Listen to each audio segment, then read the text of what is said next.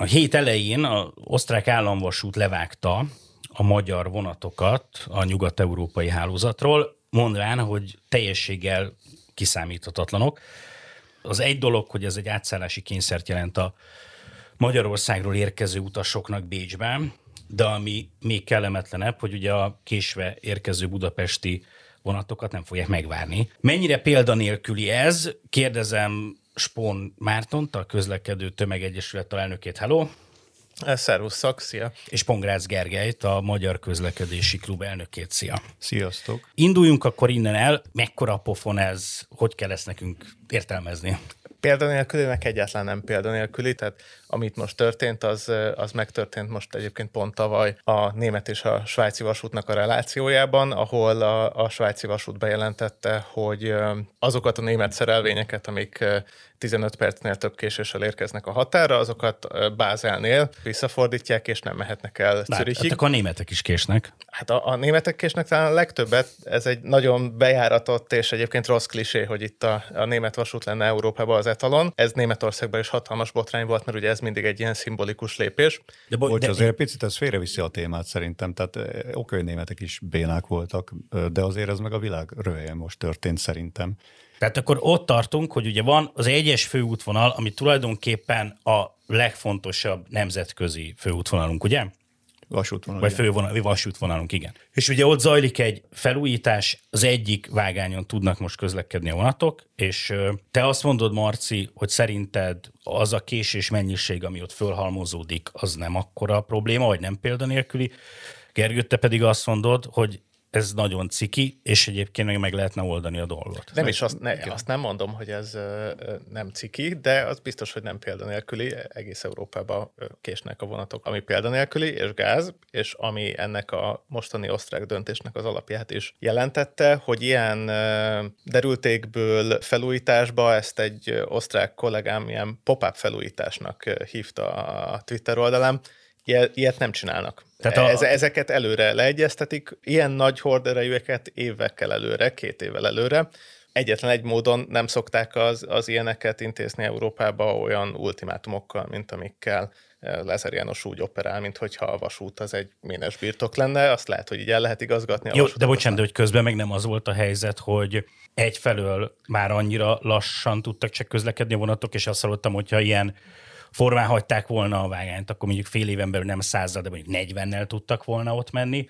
Illetőleg azt nem tudom, hogy itt az utasbiztonság kérdése felmerült, hogy a Lázár mondta, de hogy azért itt ezt a dolgot el kellett kezdeni most, nem? El kellett, de ugye itt abban igazán a Marcinak, hogy ezt, ezt a társasutakkal előre le kell egyeztetni. Tehát itt nincs ilyen, hogy másnap elkezdünk egy felújítást, és akkor nem tudnak járni a vonatjaitok. Az ő, tehát hozzáteszem, osztrák szerevények nem tudnak járni, meg magánvasúti tehervonatok. Na de hát most a szerencsétlen forgalomszervezőknek volt rá, nem tudom, egy hete mondjuk, vagy még annyi se, hogy megszervezzék. Úgy meg, ha rendesen megvan ez hirdetve előre, évekkel előre, hogy illik, úgy meg akkor van, van idő fölkészülni rá. Tehát, hogy valószínűleg egyébként ennek az egy része csak a bénaság, egy másik része meg a kapkodásból adódó bénázás. Említetted ugye a biztonság kérdését, és ezzel Lázár János is elég intenzíven takarodzik, de erre fontos kitérni, hogy a vasúti pálya az most is biztonságos, úgyhogy senki se féljen emiatt felülni a vonatra. De akkor ugye te azt mondod, amit, hogy ő túloz? Ami, ami miatt szerintem Lázár János itt dobálózik a biztonsággal, az az, hogy ezzel a 100 km-es sebességkorlátozással azt érte el, hogy miközben ő körbe rócsozza a kormányt azzal, hogy ő most megkapta a közlekedési tárcát, és majd eljön a vasútnak a második aranykora, a valóságban, amit a miniszterségének a fél éve alatt elért, vagy lassan egy éve alatt, hogy a vonatok a vasút első aranykorát idéző sebességgel döcögnek. Úgyhogy az egyetlen dolog, ami, ami, ami veszélyben van, azok nem az utasok, hanem, hanem Lázár Jánosnak a politikai karrierje, és hát nyilván ennek megfelelően ultimátum osztogatással kezdte lereagálni, ez az én értelmezésem. Én szerintem mindenki az életében azért azt megtapasztalta, hogy ha vonatra akar ülni, akkor késéssel azért úgy néha adott esetben kell kalkulálni, az történik. Valahogy, mint hogyha lenne egy olyan érzülete az embernek, hogy mondjuk az elmúlt hónapokban, fél évben, nem tudom milyen időszakban, mint hogyha sokkal több lenne ezekből, mint azt megelőzően. Tehát, hogy olyan érzés van, mint hogyha korábban létező problémák most valahogy úgy összeértek volna, vagy valami fölgyorsult volna a folyamat. Ez abszolút így van. Hát ugye itt már cikkeket lehetett erről olvasni, a statisztikákról, hogy ez, ez tényleg begyorsult ez a folyamat. Most azért nagy csodák nincsenek, tehát hogyha hagyjuk a, az, ugyanazt a szerelvényállományt, vagy járműállományt, ugyanazokat a sineket, személyzet hiányjal is ugye számolni kell, arról majd nyilván később talán beszélünk, tehát, hogy, hogy az egész az egy ilyen szép lassan megy lefele a lejtőn, és most vagy, vagy azt mondjuk, hogy akkor ugye amit mondtak is egyébként a politikában, tehát a Lázár Jánosnak az első ilyen intézkedés az az volt, hogy hát lehet, hogy csak szart de akkor legalább adjuk olcsón, tehát ez a vármegye bérlet, meg az országbérlet, de hogy akkor emellé, ugye emellé az igény mellé, hogy most akkor többen akarnak közlekedni, oda, te, oda kell tenni azt a kapacitást, meg azt a nem tudom, kocsiszámot, vonatszámot, szerelvényeket, személyzetet, ami ezt el is bírja.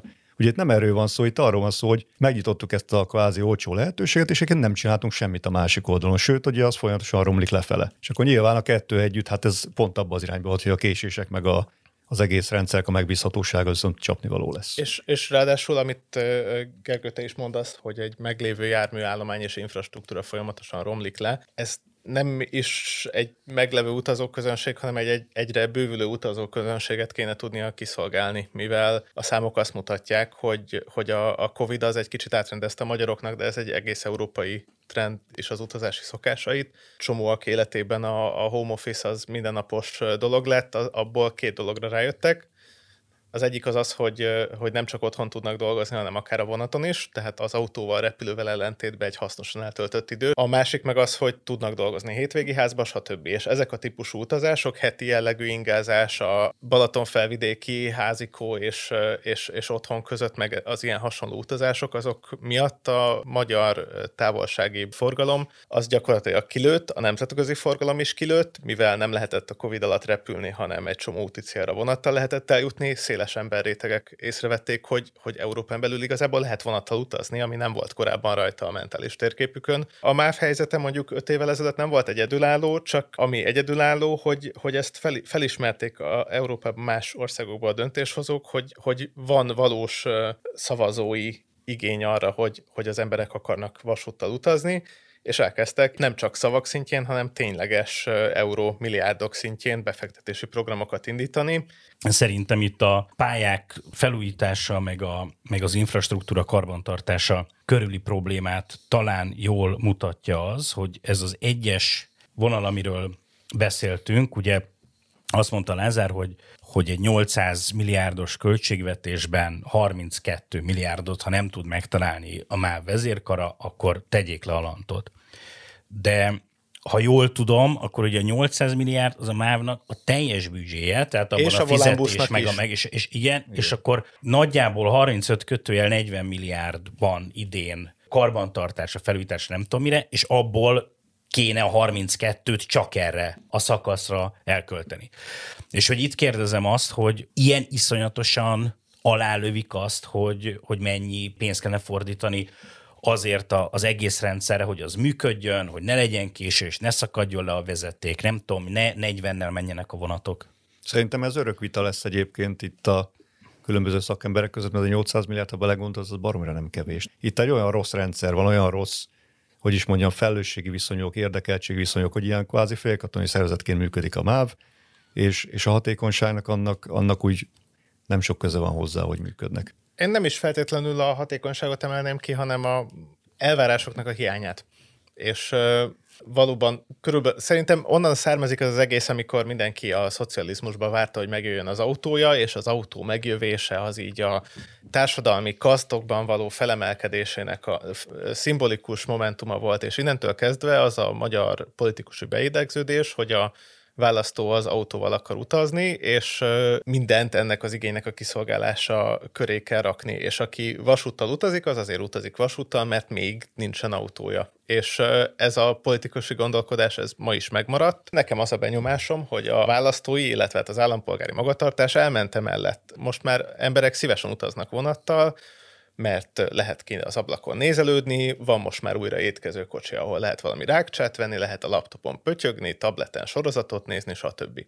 És ehhez nem nőttek fel a politikusok. Ha országgyűlési választás van, akkor még mindig az a mantra, hogy ki hány kilométer autópályát épít, ha meg főpolgármester választás, akkor ki hány kilométer metrót, és ez a finanszírozáson is meglátszik.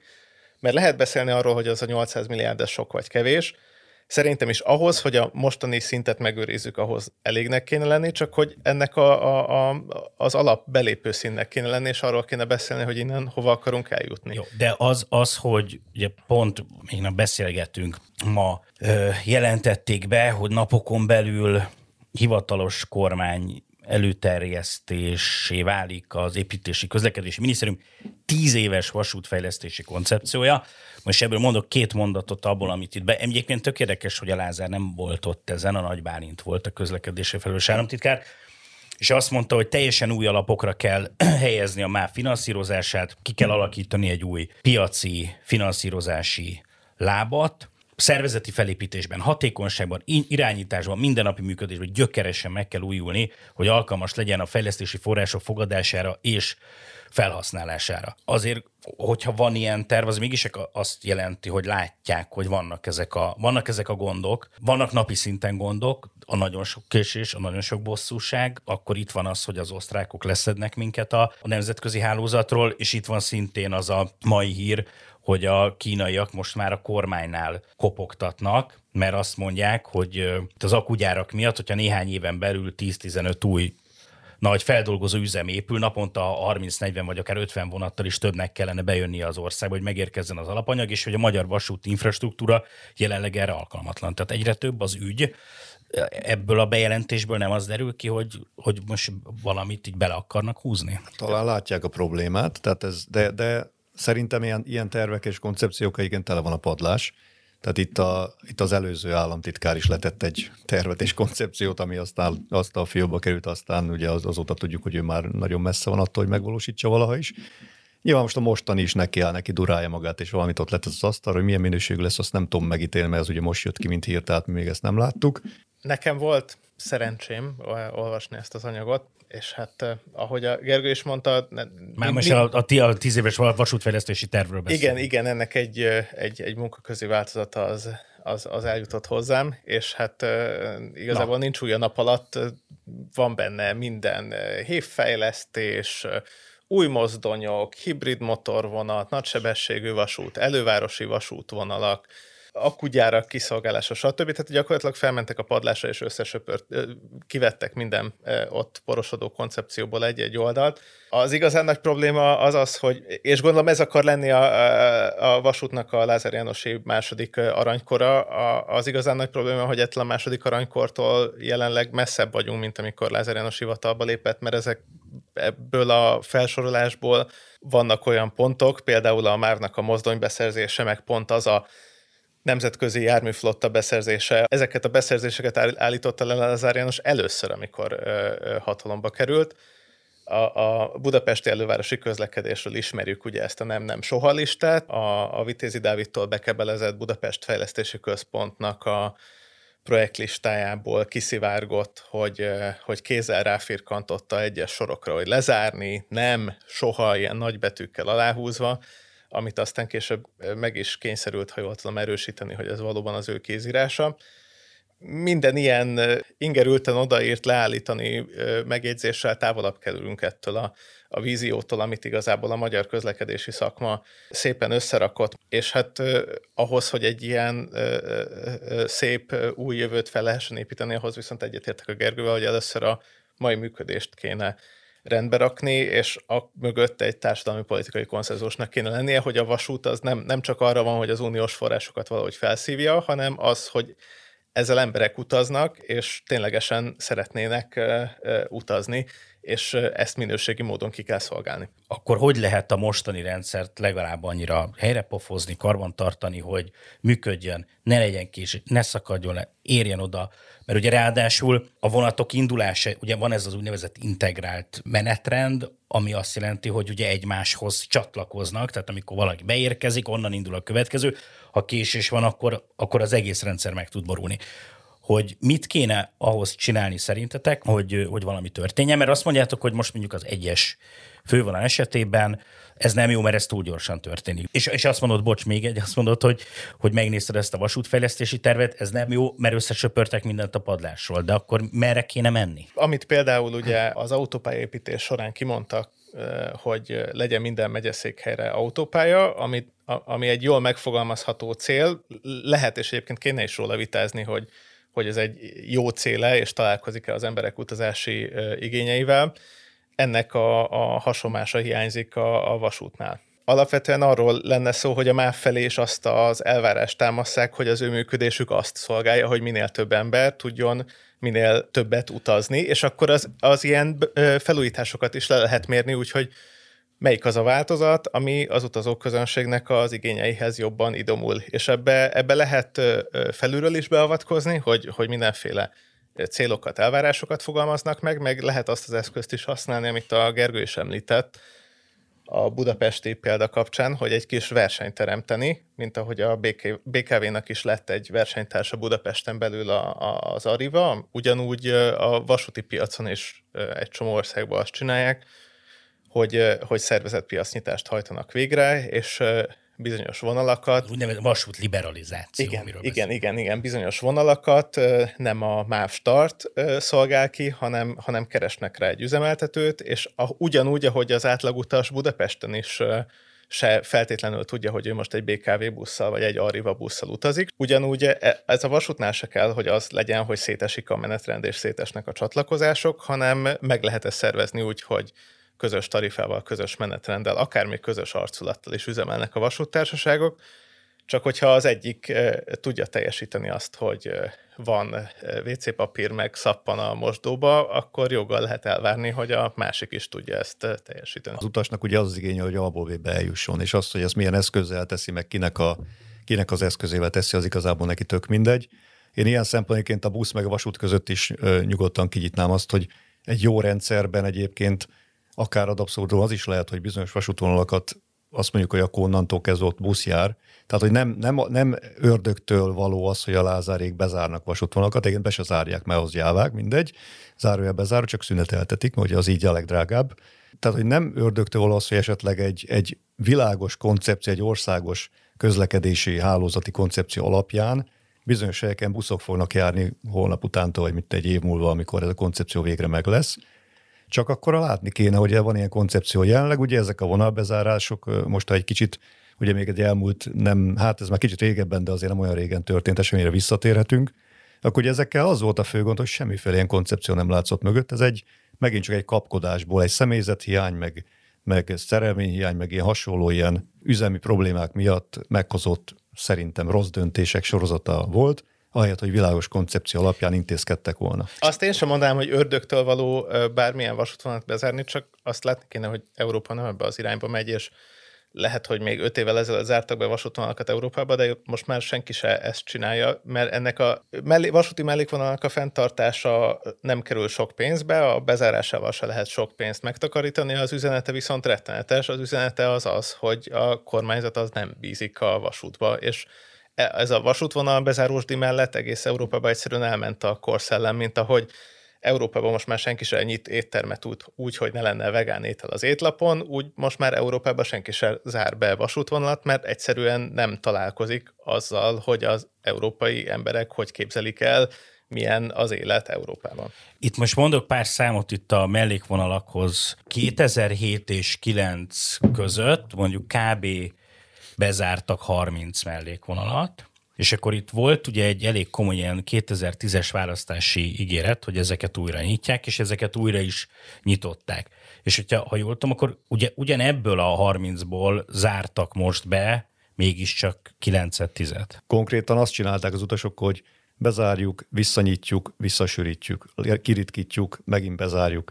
Tehát, hogy semmi értelme, semmi koncepció nem volt mögötte, tényleg csak arra volt, hogy az utasokat végleg leszoktassák a vasútról, Az indok az meg, az meg pont az volt, hogy a MÁV-nak, MÁV startnak nem maradt elég járműve, hogy ezeket kiszolgálja, ami egy nyílt felhívás lenne arra a liberalizált európai piacon, hogy hogyha más startnak nincsen elég járműve, akkor keressünk mást, akinek megvan, hogy azért az állami támogatásért, amért a start üzemeltette le lerobbanó csehszlovák büzmot járművekkel, ugyanazért az állami támogatásért Szerintem lett volna olyan operátor, aki hoz korszerűbb járművet, tud színvonalasabb kiszolgálást csinálni. Ráadásul én azzal vitatkoznák is, hogy le lehet szoktatni az embereket a vasútvonalról, mert amint van normális menetrend, rögtön visszaszoknak. Szinte külön gondolkodni kell ahhoz, hogy olyan rossz szolgáltatást nyújtsanak vasúttal, hogy azt ne legyen hajlandó a vasútra kiéhezett európai lakosság használni. Azért oda ugorjunk vissza, hogy akkor ezt beszéljétek meg, mert úgy érzem, hogy itt azért volt köztetek ellentét, hogy ezek a mellékvonalak, vagy szárnyvonalak. Ugye te azt mondod, Marci, hogyha jól értem, hogy az mindenféleképpen legyen és kell és több és menjen. Gergő, te azt mondtad, hogy el tudod képzelni, hogy itt-ott indokolt, hogy zárják be.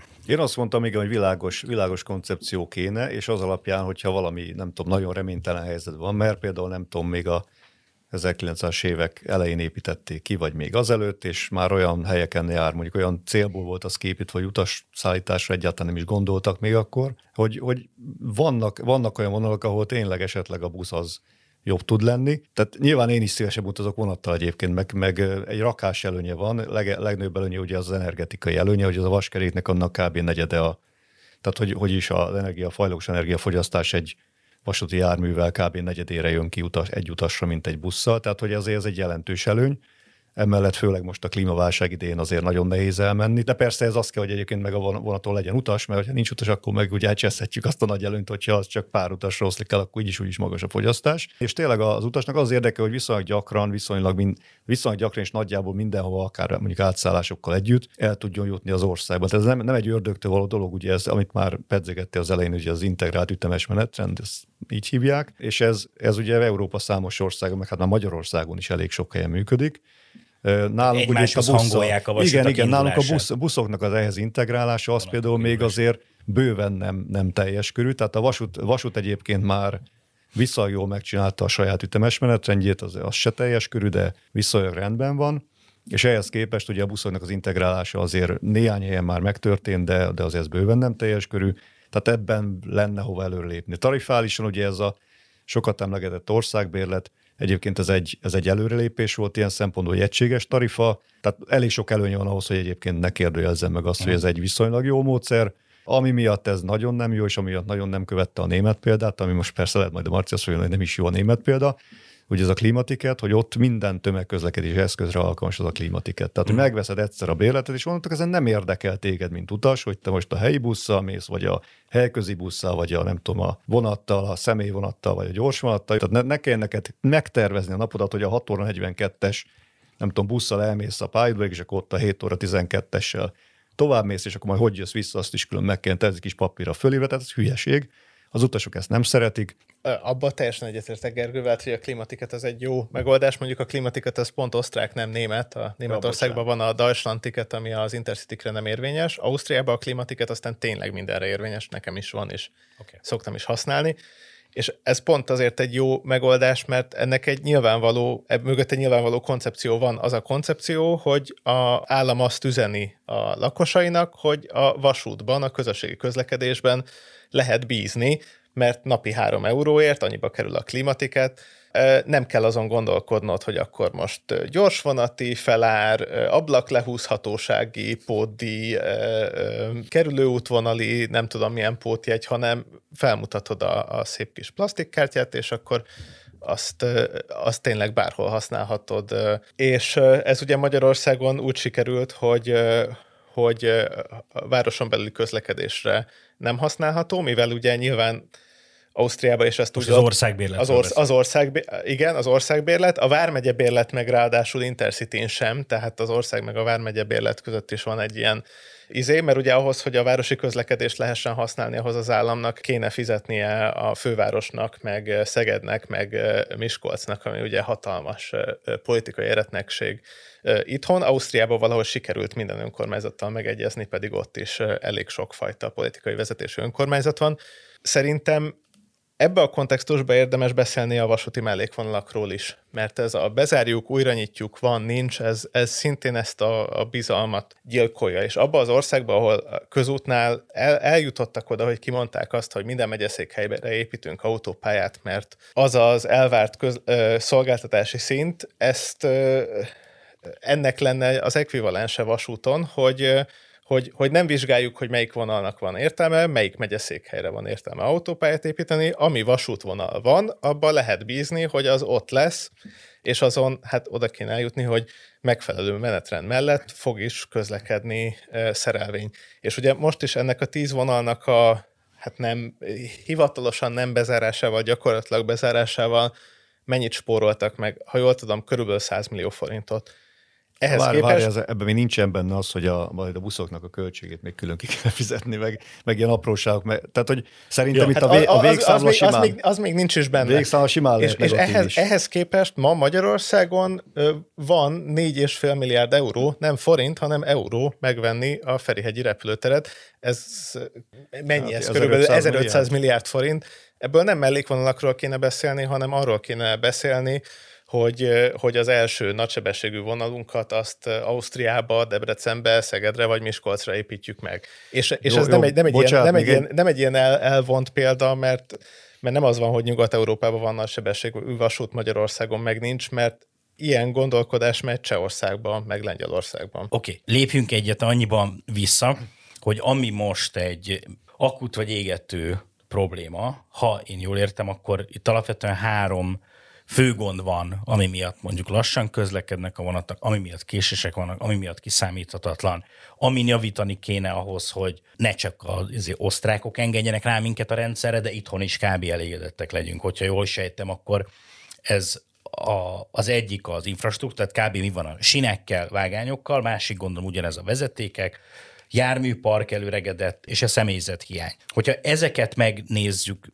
gyorsan, és hogyha abba az irányba megyünk el, hogy mit kellene csinálni, az mennyi idő lenne, minek van realitása, ti mit láttok egyébként, hogy, hogy mikor és mi tud itt úgy történni, hogy, hogy ez egy ilyen működő vasút legyen?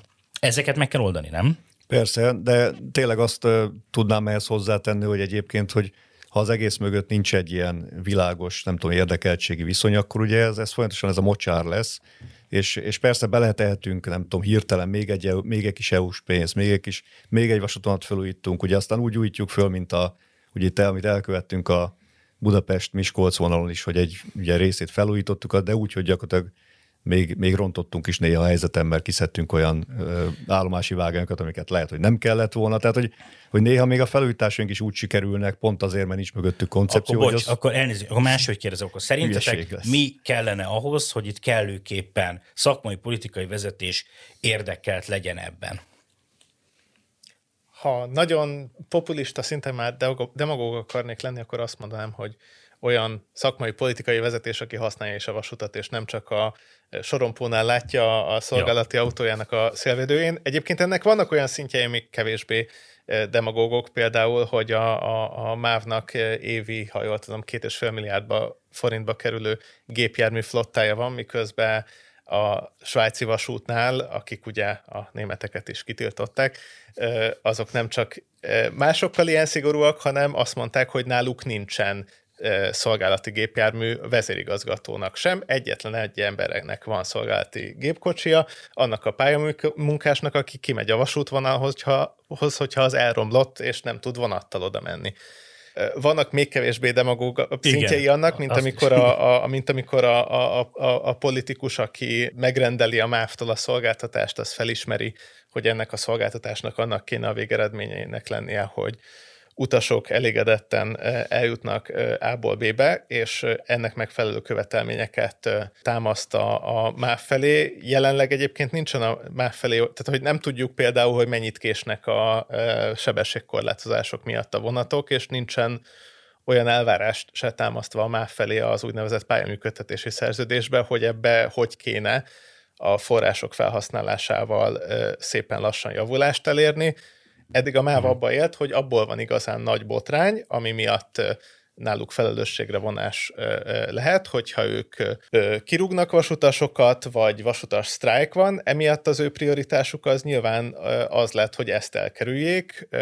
Bérfejlesztésre most lehet azon vitatkozni, hogy sokat vagy keveset keresnek a vasutasok, meg vannak-e becsülve, vagy nem, megbecsülve biztos nem, de Magyarországon van egy általános bérprobléma, a MÁV az ebből a 800 milliárdból, ami rájut, ennek a nagy részét ezt bérfejlesztésre költötte el, amivel önmagában nehéz vitatkozni, viszont úgy meg, hogy ezt a forrást, ezt bérfejlesztés és pályafejlesztés között kéne felosztani, úgy már meg lehetne kérdezni, hogy ez volt az optimális felhasználása. Az eredeti kérdésed az volt, hogy, mi, hogy mind kéne változtatni, szerintem a, a prioritásoknak a, a, a kijelölésén a személyes szinttől kezdve a, a rendszer szintig. Igen, hát a svájci példáként arra nagyon jó, tehát lehet, hogy picit demagógnak hangzik, de azért ez egy szemléletbeli kérdést nagyon jól mutat. Ugye, hogy Svájcban maga, magának a rendszernek a működtetői, annak a legfelső vezetői elhiszik a rendszerről azt, hogy ez működik. Tehát Ma- Magyarországon ugye ez a, a MÁV-nak a vezető, és nem tudom, vezérigazgatója, nem, nem is biztos, hogy látott vonatot közelről, de hogy egyszerűen nem valószínű, hogy elhiszi magáról a rendszerről, amit működtetnie kéne egyébként, hogy az működik olyan szintig, hogy neki a céges autóját az letehetné nyugodtan, és mondjuk ad abszolút vonattal járatna be dolgozni, vagy, vagy busszal, vagy nem tudom, ami éppen a közelébe jár. Tehát e, e, egyébként ez a, ez a fő probléma, hogy Magyarországon, tehát nincs egy, ilyen, nincs egy ilyen rendszer, tehát az utasok nem látják ezt a rendszert, hogy kimegyek, és nem tudom, akkor fél óránként vagy óránként jön a busz, amivel eljutok a vasúthoz, ott átszállok, ott stabilan át tudok szállni, abban eljutok valahova máshova, esetleg ott is átszállok, és oda jutok a célomhoz. Tehát ezt, amíg ezt nem látszik, ugye addig nagyon nehéz elvárásokat megfogalmazni, mert addig azt gondolnán az ember, hogy hogy tényleg, tényleg az van, hogy, mindig hogy van csak, egy ilyen kaland csak, csak azok a nagyon... Tényleg, nem így, mikor igen, így meg, mész, meg, meg átszállsz, hogy mindig van egy ilyen izgi benne, hogy most mi lesz éppen. Igen, egy, egy, egy, ez, egyrészt ez, ez, is. izgi. De, de ez, ez, ez, ez, ez, autóval is megvan. Autóval is izgi. Az, az, azért azt akartam is mondani, ez autóval is izgi. Hogy, utána meg, akkor meg az a beszédtém, hogy azt a mekkora dugó volt a izé 72-es lehajtónál. Pontosan, tehát de az, az, az, az érdekes, rosszabb autó szerintem Az az érdekes különbség, hogy amíg, amíg a vasutas sztoriknak mindig az a vége, hogy hát én aztán soha többet nem megyek a a, a mávval és a mávnak a nénikét, addig az autósztoriknál valahogy sose az van, hogy a közútkezelő meg a NUS ZRT-nek a nénikéjét, és én soha többet nem fogok autópályával menni, tehát hogy valahogy... A... Jó, azért az egyéni felelősség kérdése másik is az autópályán, tehát a, az autópálya föl van építve, attól, attól még az ott van, mert egy néhány hülye megy, nem tudom, 180 egymás segébe, és egymásnak mennek, és aztán le van zárva egy óráig. Ilyen szemben tényleg egyébként nehezebb a, a nem tudom, az autópálya fenntartó felelősségét felvetni ebben, de tök igazad van abban, hogy, a, hogy érdekes módon az utasok ugye, amikor egy vasutas probléma van egy órát, vagy fél órát, vagy akármennyit késnek, akkor egyből ugye azt mondanád, hogy leszoknak, de egyébként ez is csak duma, mert ahogy látod, leszoknak, aztán visszaszoknak. Hozzákötve az előző öt perchez az utas sokkal jobban elhiszi, hogy ez a rendszer ez működni tud, mint mint a vezérigazgató vagy a miniszter. Igaz, de szerintetek az, és hogyha igen, akkor hol lehetne megfogni, hogy, hogy olyan, hogy nagyon sok pénz folyik el vannak olyan, valahogy a, a, és ez szerintem ilyen szempontból már nem demagógia, mert a, a két és fél milliárdos gépjárműflotta az a 30 milliárdos fejlesztési kerettel már összemérhető. Valahogy a gépjárműflottát azt sose húzták le, valahogy Horti Miklósnak a kenderesi várójára, ami egy olyan mellékvonal mellett van, ahol napi két vonat megy annak a, a felújítására. Ez ebből a 30 milliárdos éves keretből történt, valahogy erre is lett pénz tehát itt az, de a... eleve, eleve fájdalmas lenne az is, hogyha rá lehetne mutatni, hogy na az az ember, aki táskával kiviszi a pénzt a könyveskálmán körútról, de szerintem ennél sokkal fájdalmasabb, amikor nem erre megy el a pénz, hanem teljesen értelmetlen dolgokra, mint egy rosszul felújított állomás, vagy, vagy, egy nem, vagy, vagy az, hogy, hogy állomás felújítás helyett valami teljesen mást az utasokhoz köze nem levő tevékenységet erőltetnek a mávnál. Vitatkozhatunk Gergővel azon, hogy ez a, az évi 30 milliárdos fejlesztési keret, meg összesen 120 milliárdos működési keret, meg a 800 milliárdos teljes mávvolán keret, ez sok vagy kevés. A statisztika egyébként azt mutatja, hogy kevés, de először ezt a kevés pénzt kéne szerintem is megtanulni, jobban elkölteni, és akkor utána elkezdeni gondolkodni. Egyébként ebbe, hogy ezt a kevés pénzt jobban költsék el, ebbe is segítene a piacnyitás, az, hogy bejöjjenek olyan szereplők, olyan magánvasutak, akiknek érdekük van abba, akik azt mondják, hogy hát hello, az én utasaim is használnák ezt a peront, akkor, akkor igenis legyen annak kiárata a falu központ felé, meg, meg igenis legyen olyan vágány, ahova félre tudok állni. Úgyhogy itt különböző megoldási irányokról beszéltünk, de ezek között van, vannak ilyen szinergiahatások, amiket igazából, hogyha egy ilyen tíz éves fejlesztési koncepciót állítanék én össze, akkor ebbe elsősorban nem az lenne, hogy ezt is fogom építeni, ezt is, meg még itt is lehet majd szalagot átvágni, hanem inkább ezeket a folyamatoknak a beindításáról kéne szólni, hogy hogy, hogy lesz a vasút újra Magyarország gondolkodásának a és amúgy, és amúgy mi szól, vagy mit szoktak mondani, vagy mi szól a, itt a vasútliberalizáció ellen? Hát komolyabb érveket szerintem még nem hallottunk. Ugye itt azért vasútliberalizációnál sok mindenről szoktak beszélni, de az, hogy mondjuk nem tudom, cégek elvigyenek, elvigyék a Budapest hegyes halomvonalat és azt üzletileg üzemeltessék, az valószínűleg nem merült föl senkibe, az nem is lenne jó irány. Ugye itt, itt ami liberalizációról szó van, az az egy közös, az, az olyas, mint hogy a BKK csinál Budapesten, egy közös tarifa, közös a megrendelő által megtervezett menetrend, és annak a lebonyolítását. Tehát konkrétan a lebonyolító De mi, mi az ellenérv általában? Kéne. Az, az ellenérv az, az, az, az sokak esetében a félreértésből adódik, hogy azt gondolják, a liberalizáció alatt olyasmiket gondolnak, hogy mondjuk akkor jön egy vasút, és akkor saját tarifával, saját áron konkrétan elvisz az utasok egy részét a vasút a MÁV elől, és ezért a MÁV-nak is szarabb lesz, és akkor nő meg ott élősködik a, nem tudom, az egyes vonalon, meg a, meg a Miskolci vonalon, és akkor tehát ezt a fajta liberalizációt egyébként én se erőltetném. Tehát kell egy rendszer, és akkor ehhez kell üzemeltetőket választani. Sokan azt gondolják, hogy akkor szétszabdódik a rendszer, és, és jönnek a hiénák, és elviszik az utasokat. Szerintem ettől félnek ez, ez az elnél, de ez sok esetben vagy legtöbb esetben szerintem a félértésben, a liberalizáció szó félértéséből hát, adódik. Szerintem van egy nagyon erős ellenérdek az állami vasúttársaság részéről, aki legtöbbször az adott országnak az egyik legnagyobb munkáltatója, és, és nekik ez egy, hát hogy mondjam, vállalati egzisztenciális kérdés, csak hát kérdés, hogy egy állami eh, tulajdonú vállalatnál van-e vállalati érdek, vagy az állami tulajdonú vállalatnak a közérdeket kell -e képviselni, ami adott esetben akkor egy kisebb vállalat is lehet.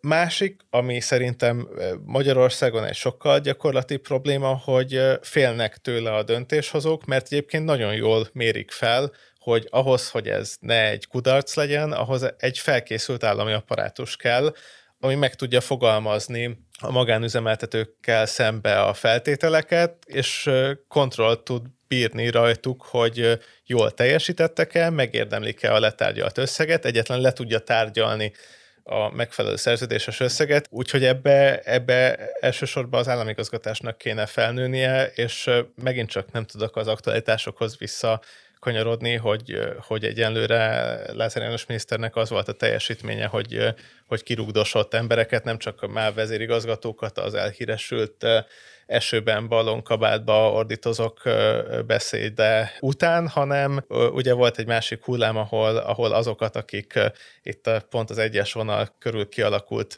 helyzetet kiszivárogtatták, azokat szabotőrnek pecsételte, és, és őket eltávolította. Ezeknek kéne azoknak az embereknek lenni, akik annyira a szívükön viselik a vasút sorsát, hogy, hogy hajlandóak ilyen whistleblowerként kiállni, és, és azt mondani, hogy baj van a vasúttal. Ezek lennének azok az emberek, akik a nyomott közszolgáltatási fizetések mellett is még hajlandóak lennének felépíteni egy olyan rendszert, ahol érdemes lenne liberalizálni.